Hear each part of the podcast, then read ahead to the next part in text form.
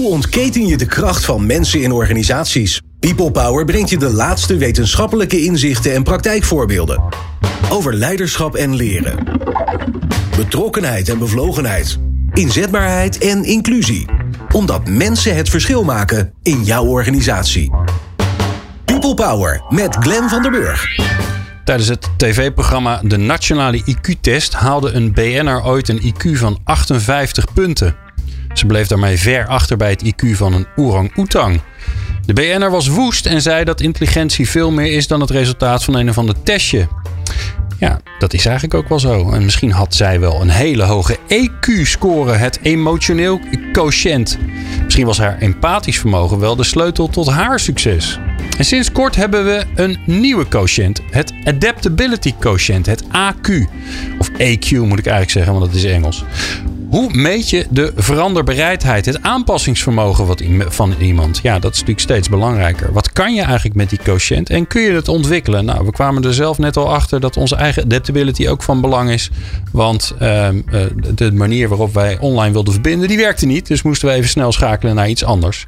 Mijn gast is Frederik Bruggeman. Zij is Managing Director van Robert Half Nederland. En Jeroen Buescher is onze columnist. En we zijn natuurlijk bijzonder blij dat je luistert naar People Power. People Power met Glenn van den Burg. Frederik Bruggeman is uh, te gast uh, bij ons. Uh, op afstand, via de telefoon. Lekker ouderwets, maar dat is, weten we in ieder geval zeker dat het werkt. En wij moesten zelf al ongelooflijk adaptable zijn, Frederik. Maar het is gelukt. Klopt, het is ons gelukt. Gelukkig. Ja, ja dus ik ben eigenlijk Gelukkig wel... dat we altijd plan B hebben. Ja, toch? Ja, dat, ja, dat, je, ja je, moet, je moet een beetje jezelf aan kunnen passen. Um, Frederik, wat een mooi onderwerp om het over te hebben. Um, ik wil eerst even kijken naar eigenlijk het belang van dit onderwerp. En daardoor, uh, ja, dan moeten we volgens mij even kijken naar, naar werk en de arbeidsmarkt. Wat speelt er op dit moment op die arbeidsmarkt uh, in Nederland en volgens mij in Vlaanderen? Want daar, zit je, daar, daar woon je zelf, hè? Ja, ik woon in uh, Vlaanderen, maar ik werk voornamelijk in Nederland uh, met heel veel plezier. Nu, wat is er gebeurd? Um, we hebben, zoals we allen weten, een hele grote pandemie, uh, zelfs nog niet achter de rug, die enorm veel aanpassing uh, en veranderende omstandigheden heeft gecreëerd. Maar reeds voor die pandemie was de wereld al heel snel aan het veranderen door de digitalisering, big data, robotics. Uh, enzovoort. En dat is een trend uh, die zich verder gaat uitbreiden en nog sneller. Dus we zitten in een soort uh, pandemie of niet, we zitten in een soort economische omwenteling, maar zij dat die veel sneller verloopt dan vroegere economische omwentelingen. Dus het komt er nu op aan, hoe kan je je voorbereiden op grote radicale veranderingen, veel onzekerheden. En daardoor zijn we tot de conclusie gekomen dat AQ of dat uh, aanpassingsvermogen, het vermogen om gedachten en gedrag aan te passen, efficiënt te kunnen reageren op onzekerheden, nieuwe informatie te kunnen verwerken en reageren op snel veranderende omstandigheden, dat dat toch wel zaken zijn die zeer belangrijk zijn. Is, is dat ook wat jullie terug horen van jullie klanten? Wel, inderdaad, in een studie van januari 2021 stellen we vast, het was een Belgische studie, dat 87% van de bevraagde bedrijfsleiders het AQ meer en meer belangrijk willen, omwille van juist die veranderende context. Dus daar waar we in het verleden het IQ, wat nog belangrijk is, iets meetbaar, zijn overgelopen, hoe dat je terecht zegt eh, dat er een fase is geweest waar die emotionele intelligentie het emotionele quotient uh, belangrijk werd, wint nu ook het AQ of het EQ, het adaptability quotient, aanpassingsvermogen en staat dat eigenlijk op gelijke voet om niet nog naar de toekomst uh, nog meer aan belang te winnen.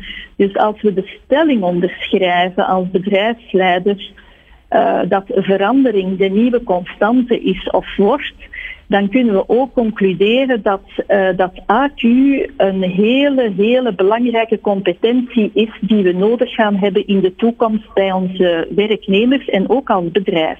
Ja, nou, laten we even in die, in die AQ duiken. Um, wat is het? Wat zijn de, de, de componenten waaruit dat, uh, dat adaptability quotient is opgebouwd? Wel, het is helaas iets dat je nog niet echt kan meten, een adaptability quotient, maar het is echt je aanpassingsvermogen uh, om te reageren op snel veranderende omstandigheden. Ik geef je een voorbeeld, uh, zoals we allemaal hebben meegemaakt. De pandemie breekt uit. Onze onderneming is op 24 uur tijd, heeft die meer dan 11.000 werknemers thuis moet, moeten laten werken en technisch alles in orde brengen, zodanig dat wij allemaal van de ene dag op de andere thuis hebben kunnen werken we moesten ook ineens kijken van hoe gaan wij nu onze dagdagelijkse taken, uh, die continuïteit naar onze stakeholders uh, garanderen op een andere manier. Dus we, dit is niet alleen pandemie, maar ook voorheen borrelde dat al aan de oppervlakte. Die digitalisering die zo'n snelheid vereist, om dan terug te komen op wat zijn de componenten. Componenten zijn aanpassing, onvoorziene omstandigheden, altijd rekening houden met wat is, wat, hoe gaan we ons gedragen als er dat of dat voordoet, hoe gaan wij met die snel veranderende omstandigheden verder. Een economie is altijd in verandering, maar zij is dat de laatste jaren ja, die snelheid wel exponentieel stijgt, waardoor dat wij als mensen ons allemaal nog sneller moeten aanpassen. En aanpassing en snelle aanpassing is toch niet echt in de natuur van uh, het menselijk wezen. Dus dat is een uitdaging voor de toekomst. Nou, dat was nou precies wat, wat, wat er in mijn hoofd opkwam. Hè. Zijn wij daar als mensen dan goed in? Is dat iets wat bij onze natuur past om ons snel aan te passen op wat er op in onze omgeving gebeurt? Wel, ik ben geen antropoloog of geen neuroloog. ik kan alleen maar zien aan mezelf. Um, ik denk dat de mens van nature uit niet zo gek is op aanpassingen. Het heeft 10.000 jaar geduurd voordat we naar de landbouw zijn overgeschakeld. De industriële revolutie heeft er toch ook een paar jaar gedaan. Dus ik denk van nature uit dat wij als mens graag duidelijkheid hebben, zekerheid, uh, weinig risico. Hier zijn hier en daar wel een aantal mensen misschien die iets sneller daarin zijn, maar ik denk als mens dat het in de mens zit dat we eigenlijk niet zo graag change hebben. Mhm. Maar het is onze menselijke ratio die ons zegt, ja kijk, je moet wel mee of je gaat een onder. Ja. Uh, waar, is het, waar is het begonnen? Waar is het geboren, dat, de, de, de gedachte van de, van de AQ? Wel, uh, die gedachte, wat ik het uh, vroegst kan aanhalen, dat is uh, Stuart Parkin in 2010. Een recruteerder en carrièrecoach die al kwam met die gedachte, kijk, aanpassingsvermogen gaat meer en meer belangrijk worden in de toekomst.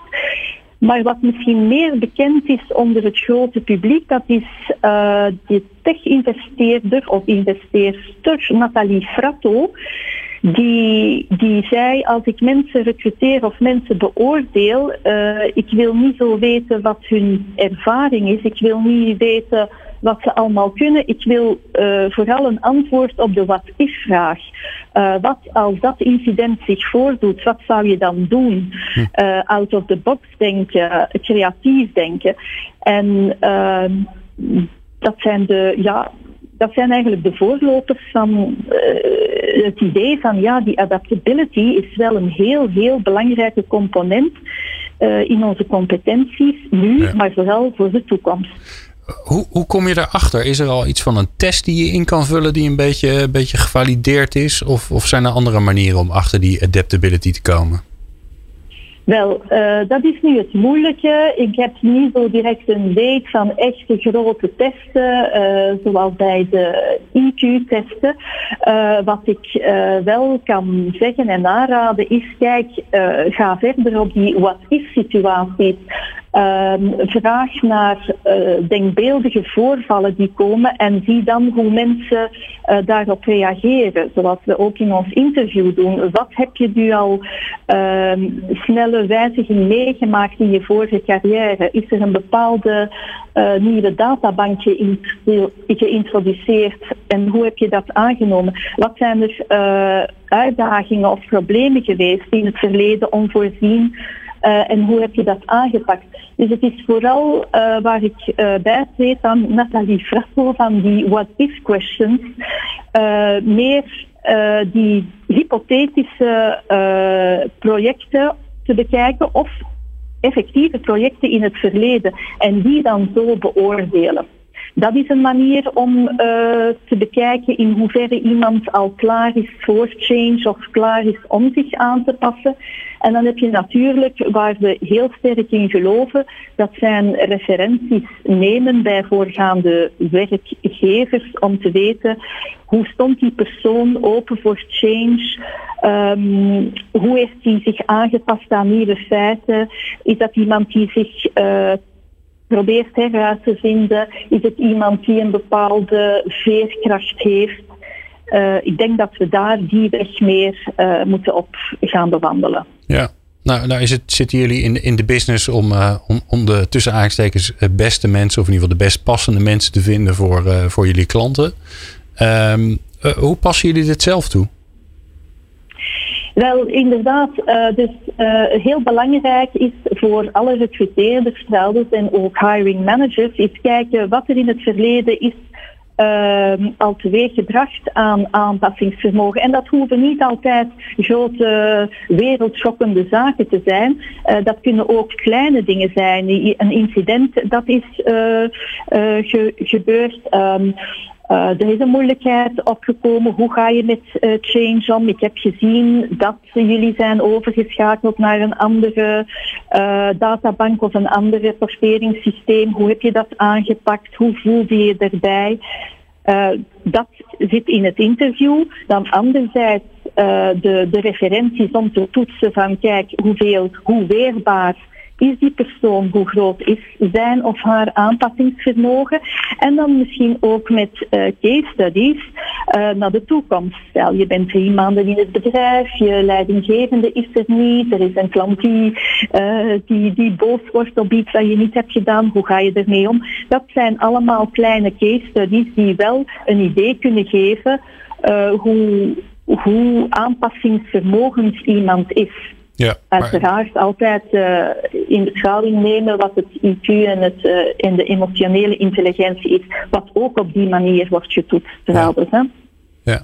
Maar het, het, vraagt dus best wel iets voor van degene die, uh, die het interview afneemt om, om daar goede vragen, goede cases bij te bedenken om, ja, om, om zeg maar, dit scherp te krijgen of dit nou iets is wat, wat goed ontwikkeld is bij iemand.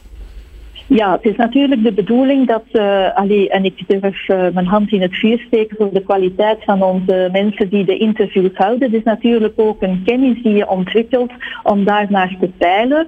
Um, voor het grote publiek hebben we ook wel een soort van checklist opgesteld waar je al een beetje een handleiding kan vinden hoe je daar naar kan peilen. Maar bijvoorbeeld we zijn zo actief bezig met uh, uitzendkrachten. Wel, je kan meer flexibiliteit zien als bij onze uitzendkrachten bijvoorbeeld, die bij verschillende werkgevers hebben gewerkt, die verschillende taken hebben opgenomen en die ook uh, je af hoor, al heel wat voor hebben op adaptability quotient. Ja, ja, want die zijn gewend om uh, weer op een nieuwe plek naar binnen te stappen, nieuwe mensen te leren ja. kennen, een nieuwe omgeving. Uh, waar ik zo uh, heel erg in geïnteresseerd ben, is um, ja, wat je nou als, als, als werknemer kan doen om, om meer veranderbereid te zijn, maar ook wat je als leidinggevende kan doen. En dat, dat horen jullie zo. Hoe ontketen je de kracht van mensen in organisaties? People Power. People Power. Frederik Bruggeman is eh, te gast, managing director van Robert Half Nederland. We hebben het over de aanpassing. Aan, God, een rampzalig woord is het aanpasbaarheid, aanpassingsverrijdbaarheid, veranderbereidheid. In het Engels klinkt het zoveel mooier. De adaptability van, uh, van medewerkers en waarom dat zo belangrijk is. Uh, het AQ hebben we het net over gehad. Uh, Frederik, ehm, ja, bij dit soort dingen is het natuurlijk altijd heel erg spannend. Zeker voor mensen die aan het luisteren zijn. Kun je het, kun je het verbeteren, je aanpassingskwaliteit, uh, je AQ?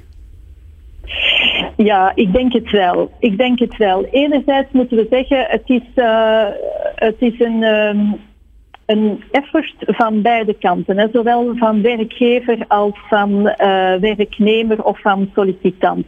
Als we het eerst eens bekijken als bedrijf? Uh, kun je het verbeteren? Ja, je bekijkt natuurlijk wat is mijn visie, de missie van mijn bedrijf? Wat is mijn strategisch plan? Heb ik, uh, oké, ik heb die langtermijnige visie, maar ben ik me bewust dat ik deze zal moeten aanpassen aan de feiten die zich zouden kunnen voordoen. Uh, in welke mate kan ik me heruitvinden naar mijn stakeholders toe? Dus mijn plan A kan ook plan B en C worden. Dus hoe kan ik als bedrijf zo snel mogelijk inspelen? Concreet kan dat betekenen, uh, start met kleinere initiatieven. Uh, dus flexibele werkuren, flexdesk, ruimte om creatief te laten denken. Want die creativiteit uh, zal heel belangrijk zijn. Want als werkgever wil ik een veilig kader uh, creëren waar, uh, waar mijn collega's of mijn werknemers het, de change niet als een bedreiging ervaren, maar proberen in te zien wat het nut daarvan is en, en dat dat het echt nodig is dat we ons gaan aanpassen, dat we ons gaan heruitvinden. Dus die veiligheid, die, die moet er zijn. Dan grotere maar even voor Frederik, want volgens mij, zeg je, volgens mij zeg je iets heel, heel briljants. Um, ik hoor je eigenlijk zeggen, veranderingen worden door, door ons, door mensen, gezien als een bedreiging. En je zult er dus eerst moeten voor, voor moeten zorgen dat je, dat je zorgt voor veiligheid. Want zolang dat er niet is, lijkt die verandering een bedreiging voor mensen. En zullen ze daar dus als een bedreiging op gaan reageren door weg te lopen, te vluchten of uh, zich schrap te zetten. Of nou ja, alle dingen die je eigenlijk niet wil. dus je wil ze juist, je wilde juist dat mensen in beweging komen, dat ze die, die, die verandering omarmen, dat ze mee gaan denken, dat ze nieuwe ideeën hebben. Eigenlijk het tegenovergestelde wat er gebeurt als je je bedreigd voelt. Dus die veiligheid is volgens mij heel belangrijk dan. Uh, ja, vind ik ook. Dus de veiligheid ook om uh, creatief te kunnen zijn, veiligheid om out of the box te kunnen denken en met de zotste ideeën te komen. Vandaar dat we ook al eens hebben uh, de post-it notes inge, ingevoerd. Dus voor mensen die misschien liever niet zo reageren, maar liever anoniem. Je schrijft de gekste ideeën op een post-it note en je gaat die ergens aan een muur kleven. Uh, om te zien, ja, hoe komen nu de beste ideeën naar voren? En durf ah. ook, durf ook met zotte ideeën, gekke ideeën afkomen. En daarom heb je die veiligheid nodig um, om out of the box te denken, zodanig van, oh, wat gaat mijn leidinggevende hiervan van vinden? Dus die hm. veiligheid, weten dat hoe gek je idee ook is, uh, je mag het zeggen. Ja, en een van de manieren is dus om het dan anoniem te doen. Want dan, hè, zelfs als iemand er negatief op zou reageren, dan weten ze alsnog niet wie het is. Hoe, maak je dan als leidinggevende dat je, het, dat je het veilig maakt voor mensen? Dat ze, dat ze wel in die bijeenkomst of die meeting met, met dat gekke idee komen. Of tenminste waarvan ze zelf denken, oeh, voor mij is het wel een goed idee, maar het is ook wel een beetje wild. Oh, ik denk dat uh, communicatie hier uh, enorm van belang is. We hebben het in de, de vorige programma's ook gehoord. Het, uh, communicatie blijft onder alle, alle omstandigheden belangrijk. Ik denk als leidinggevende of als andere medewerkers is het zeer belangrijk dat je um, alle ideeën omarmt en de nodige aandacht geeft en er geen vragen of ideeën uh, zijn dat waarvan dat je zegt, nee, hoe, belachelijk is dat? Dus je moet het vertrouwen geven uh, dat, dat alle ideeën van wie dan ook uh, belangrijk kunnen zijn, daardoor ook die groepen van die denktank zal je zo divers mogelijk moeten maken. Ervaring is altijd een pluspunt, maar iemand met minder ervaring of een andere titel of een andere jobinhoud kan evengoed zeer goede uh, ideeën uh, produceren, omdat ze allemaal toch een beetje geconditioneerd zijn door onze opvoeding, uh, de leerschool. Dus die diversiteit in die, in die groep zal zeker eerder de beste creatieve ideeën naar voren brengen. En dat kan je doen zowel uh, ja, in een groep, out of the blue, of anoniem. Dat hangt er een beetje vanaf. Dat moet je aanvoelen. Wat denk ik dat het beste zal zijn voor mijn groep? Bij ons in het bedrijf hebben we zowel anonieme surveys als uh, meetings of een beetje brainstorm sessies uh, in groep. Het hangt er een beetje van hoe goed dat mensen zich voelen om openlijk uh, hun ideeën naar voren uh, te brengen. Nu, met mijn Nederlandse collega's valt dat heel goed mee. Ze zijn vrij assertief. dus ik heb daar echt nog geen problemen mee gehad. Ik weet dat ik... ja, ik hoor je bijna zeggen, die mogen wel minder dus- assertief zijn. dus heel, heel recht voor de raap. Dus dat is, dat is wel heel belangrijk. Maar om terug te komen op die communicatie, ook change door te voeren of die aanpassing uh, aan te vullen. Het kan niet zijn dat je eenmaal een, een bepaalde boodschap afkondigt en iedereen is mee. Uh, dus die veiligheid zit ook weer dat mensen zich vragen mogen stellen, dat mensen ook eens mogen zeggen ik ben niet akkoord, waarom is dat? Dus die why, het uitleggen waarom, uh, is belangrijk. En ook beseffen dat, uh, dat er verzet kan komen en bezorgdheden en vragen. Dus je moet daar ook ruimte voor creëren om later dan toch naar die groepsbetrokkenheid uh, te kunnen komen. Wat doe jij daar zelf in? Hè? Als, als, uh, ja, als, jij bent de, de, leidinggevende van Robert Half Nederland. Uh, dus wat is jouw rol als je in de interne organisatie kijkt om ervoor te zorgen dat, nou ja, dat die veiligheid er is, dat je mensen oproept, uh, dat je die diversiteit stimuleert? Wat, doe je daarin? Wel, wat we erin doen, dat, dat is gewoon, ja, Eerst moet je natuurlijk eigen maken. Uh, krijg ik ook die boodschappen van zo zien we het, hoe, hoe, vind je dat? Je moet eerst zelf ook voor jezelf uitmaken, oké, wat kunnen de bezorgdheden zijn? Wat kunnen de frustraties zijn bij, bij mensen? En dan uh, communiceer ik dat uh, met mijn uh, managers, lokale managers in Nederland. En dan hoor ik ook weer al wat hun bezorgdheden zijn of wat zij denken dat niet goed is. En dan ben je ook wel een beetje beter gewapend. Dan weet je ook al van, hmm, daar moet ik gaan bijsleutelen. dat is niet goed, dat moet ik gaan verbeteren.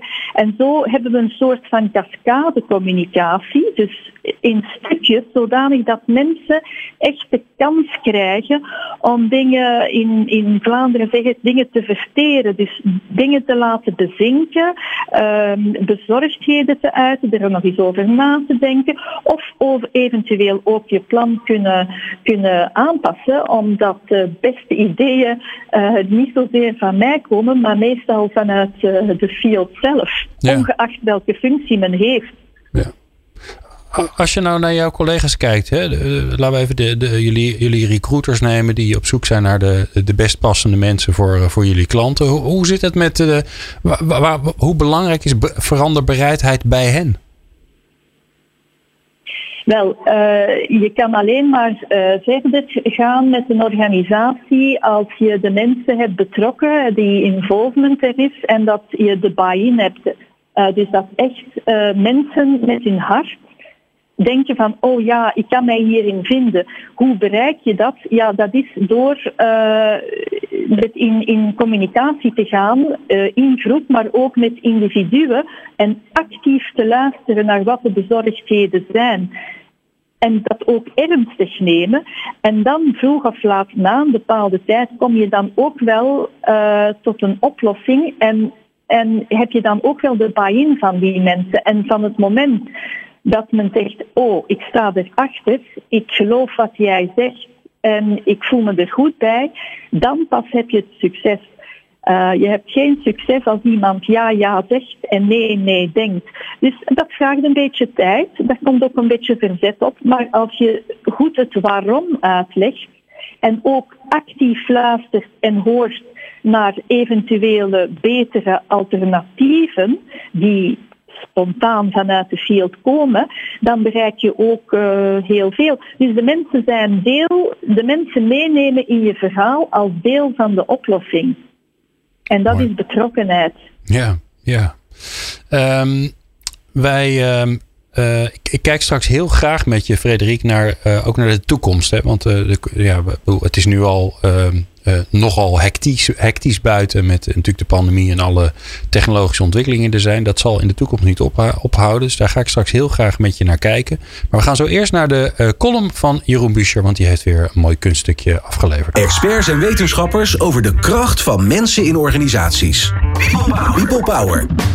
Ik kijk er elke maand naar uit. Uh, want uh, ja, het leuke van een column is, of een columnist is, is dat je ook een regelmaat hebt om elkaar te zien.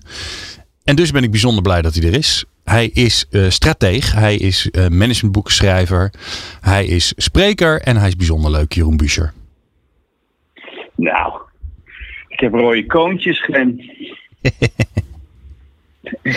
ik ben zo benieuwd, waar ga je het over hebben? Ja, ik ben helemaal van mijn voet van, dit, van, deze, van deze, liefde, deze golf van liefde die ik over mij heen krijg. Ik ga het over mijn dochter hebben, dus dat, dat ligt wel mooi in, in het verlengde van, van uh, die golf van liefde. Nou, kom maar op. Zal, zal, ik, zal ik losbarsten? Ja. Ik verbaas mij. Ik verbaas mij over het leven van mijn dochter van 12. Zij uh, is een meisje, dat is vaker bij dochters, en uh, is nogal fanatiek op school. Ze doet erg haar best. Maar als ik aan school vraag hoe lang ze eigenlijk over haar huiswerk zou moeten doen, dan zeggen zij een uur, anderhalf uur. En mijn dochter zit er wel 2,5, 3 uur, 4 uur aan haar huiswerk. Natuurlijk, als je de kamer binnenkomt, stopt ze snel haar mobieltje onder het matras. En uh, er liggen verrassend veel dingen op haar bureau die bijzonder weinig met huiswerk maken te maken hebben. Maar toch, ze is altijd met haar huiswerk bezig, ze moet dit nog doen en ze maakt het altijd af. Toch zag ik dat het te veel werd. Ze, ze verklaagde over dat ze slecht sliep. Uh, ze, dat, ze, dat ze zich gespannen voelde. En ook van de mentor kregen we terug dat, dat onze dochter uh, soms wel eens erg vermoeid in de klas was. Of voor de beeldbuis, moeten we dan beter zeggen. En ik ben met haar gaan zitten en ik heb met haar meegekeken. En wat blijkt, mijn dochter organiseert haar werk gewoon heel erg slecht. Uh, niet alleen wordt ze afgeleid door haar mobieltje, uh, ze doet zes dingen tegelijk. Uh, ze ze rondt niks af, waardoor dingen op de achtergrond over blijven staan, open blijven staan. En ze eigenlijk over een lesje waar ze een kwartier aandacht aan zou moeten besteden, uren en uren op de achtergrond rondzinkt. Vervolgens overlaat ze zich met allemaal kleine dingetjes die ze tegelijkertijd aan het doen is.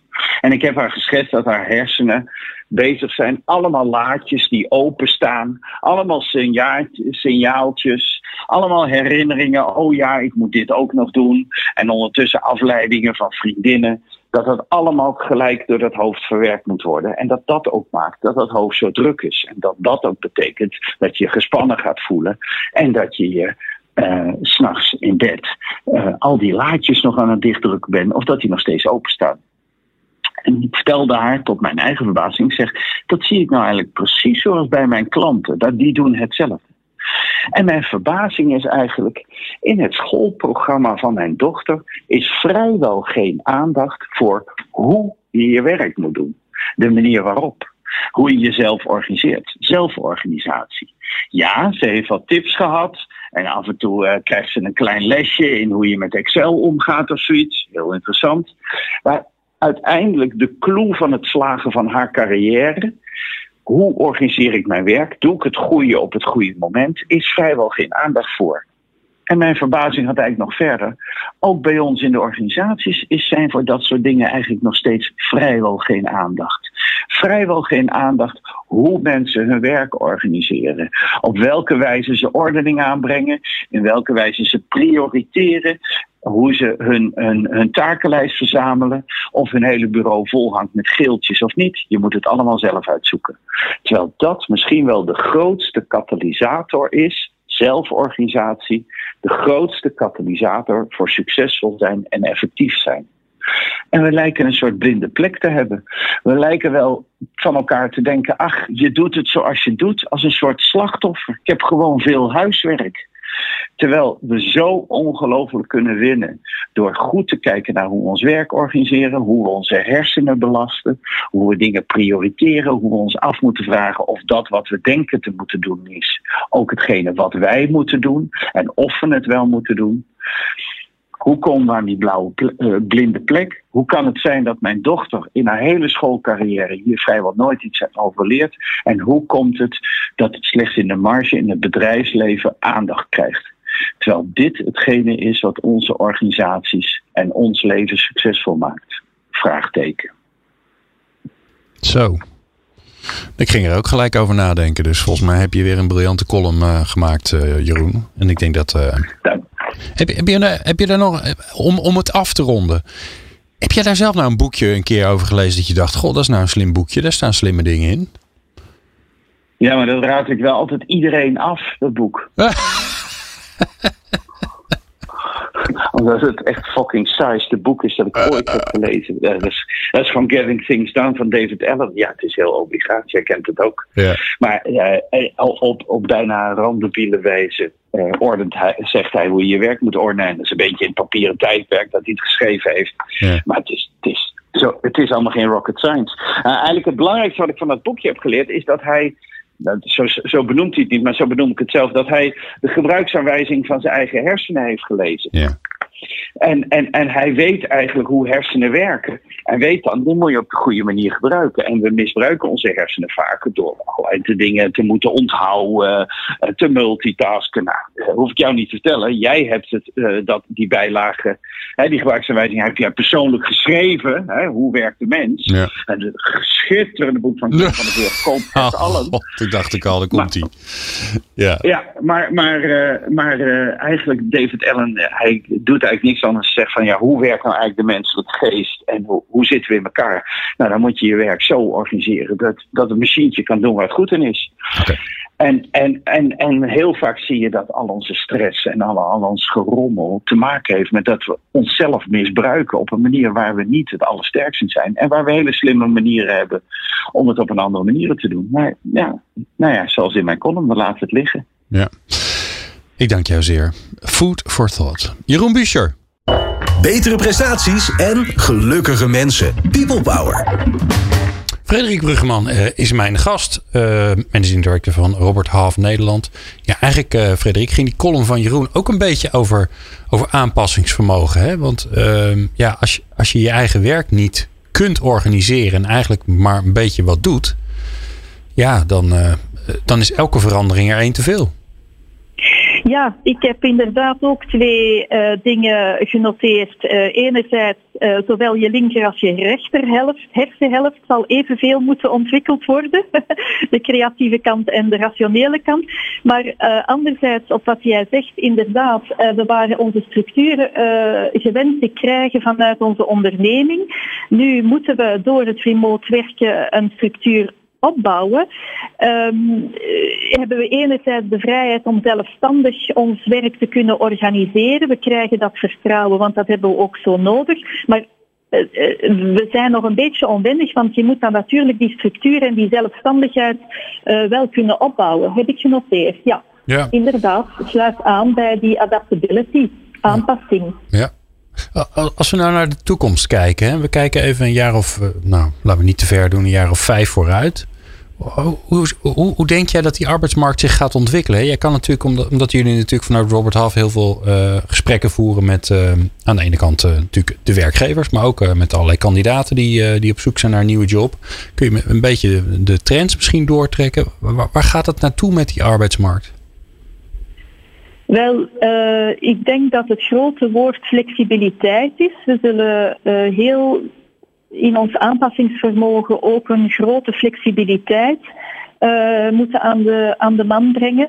Dus als werkgever denk ik wel dat het met de arbeidsmarkt uh, verder gaat gaan, dat er een goede balans moet worden gevonden door welke werknemer je vast aan gaat werven en welke je in uitzendarbeid aanwerft, omdat die toch een bepaalde know-how of een uh, frisse wind kunnen bezorgen. Maar misschien worden wij ook als vaste werknemers zo flexibel in ons contract dat onze job ook sneller kan veranderen. Dus uh, de tijden dat je vroeger um, heel je leven dezelfde job bij dezelfde werkgever deed, die zijn al lang voorbij. Er zijn er tijden gekomen waar je um, van werkgever veranderde, maar toch nog in de lijn van wat je interesse initieel was. Ik zeg nu maar iets, je hebt boekhoudstudies gedaan, je startte als uh, assistent boekhouder uh, om dan door te groeien tot financial controller. Wel, naar de toekomst toe moeten wij soms, uh, of waarschijnlijk helemaal onze job gaan omgooien. Alleszins de huidige job die we hebben uh, steeds aanpassen aan, aan de nieuwe digitale evolutie. Maar anderzijds moeten we ons misschien in sommige sectoren volledig uh, naar een andere job gaan omwerken. Dus die, die, die flexibiliteit zal heel belangrijk zijn. Is dat nou iets waar jij, want jullie doen veel in, in de finance hoek. Uh, als ik kijk naar de, de, de, lijstjes met beroepsgroepen die veel last gaan krijgen van digitalisering, uh, robotisering, uh, artificial intelligence, dan staat de accountant altijd best wel hoog op het lijstje en de administratief medewerker al helemaal. Maak jij je daar zorgen over voor, voor jou, ja, de doelgroep waar, je, waar jij je mee bezighoudt? Ik denk dat er altijd noden zullen zijn uh, in die sectoren. Uh, het is natuurlijk ook zo dat uh, de financieel manager niet alleen iemand is die, die cijfers produceert of interpreteert, maar ook meer en meer strategische beslissingen gaat nemen, omdat hij juist zoveel data krijgt. Nu, in onze niche is, is het nog iets anders. Um, daar, daar, zullen wel, daar zullen altijd wel noden zijn in die niche. Zij dat het altijd anders is, dat je job op een andere manier um, in, invult. Waar ik bijvoorbeeld op doelde is, uh, ja, neem nu bijvoorbeeld uh, mensen in de horeca die gaan omscholen tot, tot uh, in, in sectoren in de pakjesdiensten werken. Of wie weet zijn er bepaalde administratieve profielen die zich toch wel willen compleet omscholen naar uh, IT helpdesk medewerkers of andere. Zo doelde ik het erger. Uh, meer dat dat we daar in ons flexibel denken en ook als werknemer of als werkzoekende uh, toch met een open geest moeten gaan, gaan denken. Wat zijn de groeisectoren en wat zijn ook de groeifuncties? Daar open voor staan en daar, ja, levenslang leren is sowieso een must voor alle functies, denk ik. Ja. Ja. ja, een ander ding waar ik aan zit te denken is dat de, de mensen die zelfbewust zijn, die, uh, die, die, die het aanpassingsvermogen hebben, die dat ook leuk vinden, die kiezen er ook vaak voor om juist niet bij een vaste werkgever te gaan werken. Hè. Die werken bijvoorbeeld via jullie uh, als, als, als, als, als tijdelijke kracht. Hè. De, die vinden het juist leuk om van de een naar de andere plek te gaan. Of die zijn ZZP'er hè, of freelancer geworden. Ja. Dat lijkt me ook een uitdaging voor werkgevers, want die willen juist die mensen met aanpassingsvermogen wel graag in de organisatie hebben. Wel, uh, juist daarom uh, denk ik dat we meer en meer moeten gaan zien naar een goede mix tussen vaste werknemers en uh, flexibele arbeid die dan die, die, die flexibiliteit en dat aanpassingsvermogen hebben. Maar ook vaste medewerkers kunnen heel creatief en flexibel zijn en out of the box komen. Dus dat moeten wij als werkgever nu ook weer, zoals gezegd, die veilige haven creëren waar het oké is om eens anders te denken, waar het oké is om eens met wat gekke ideeën af te komen. En uh, waar we bijvoorbeeld uh, vaste medewerkers aan bepaalde andere projecten kunnen zetten om juist die verandering als een nieuwe constante en als een, een, een verrijking kunnen zien. Dus ik denk dat het op twee punten speelt. Ja. Um, mensen die hebben geluisterd naar HR-mensen, leidinggevenden, hebben geluisterd naar deze, deze aflevering van People Power. Hebben uh, het verhaal gehoord over de, over de adaptability quotient. En denken, ja, daar, daar, daar, daar moeten we eigenlijk wel wat mee. Wat zou je ze adviseren? Hoe, hoe kun je beginnen met, ja, met het nadenken of het juist misschien wel doen op het gebied van, van dit gedachtegoed? Uh, wel, enerzijds moet je jezelf als bedrijf uitvinden wat, wat is je missie, wat is je strategisch businessplan en, en uh, hoe kan ik uh, creatief naar de toekomst mij heruitvinden. Maar anderzijds zou ik echt in communicatie gaan met, met de medewerkers en met je plannen en, en in, met een open vizier en ze, ze betrekken bij de plannen. Uh, ik, de pandemie heeft ons geleerd hoe creatief als men als het moet, heeft die pandemie ons wel geleerd hoe creatief mensen uit de hoek kunnen komen. Dus ik denk dat we dat meer moeten stimuleren. Um, en hoe, hoe doe je dat? MKB's, ja? Hoe, hoe, doe je dat, dat stimuleren? Wat, wat, wat zou je adviseren? Wat kunnen mensen uh, doen? Ik zou de kans geven, ik zou, ik zou de kans geven om daarover te praten. Welk model, waar wil je naartoe? Uh, je mensen daarbij betrekken, de kans daarvoor te geven, maar ook als, als werkzoekende zie waar ben ik goed in, hoe uh, wil ik nu mijn verdere carrière tegemoet, kan ik in oplossingen denken, wat kan ik doen om meer in kansen te denken. ik zou gewoon die, die confrontatie open en bloot op, op tafel leggen, want dit is, de, de change is here to Hè? Dus die verandering die, die gaat niet weg. Dus hoe kunnen we nu ervoor zorgen dat, um, dat ik niet de dinosaurus blijf, maar dat ik de giraf word. Het is uh, niet de sterke dier die, uh, die niet heeft kunnen overleven, maar uh, de, de, de spitsvondige, de oplossingsgerichte persoon. En in een bedrijf kan je dat doen door mensen aan projecten te laten werken, door mensen in groepen in, in een soort denktank of groepen te verzamelen en de ideeën naar boven laten uh, komen. Of desnoods anoniem, of desnoods uh, een erkenning uh, geven aan mensen met het beste idee. Dus dat vooral stimuleren, want die creativiteit gaan we wel nodig hebben door de jaren heen.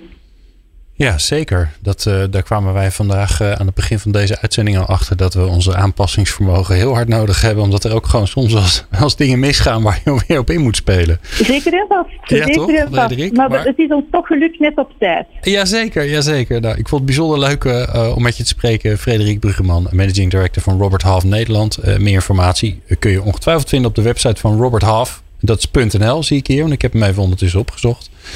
Um, uh, is daar ook meer informatie te vinden over de AQ?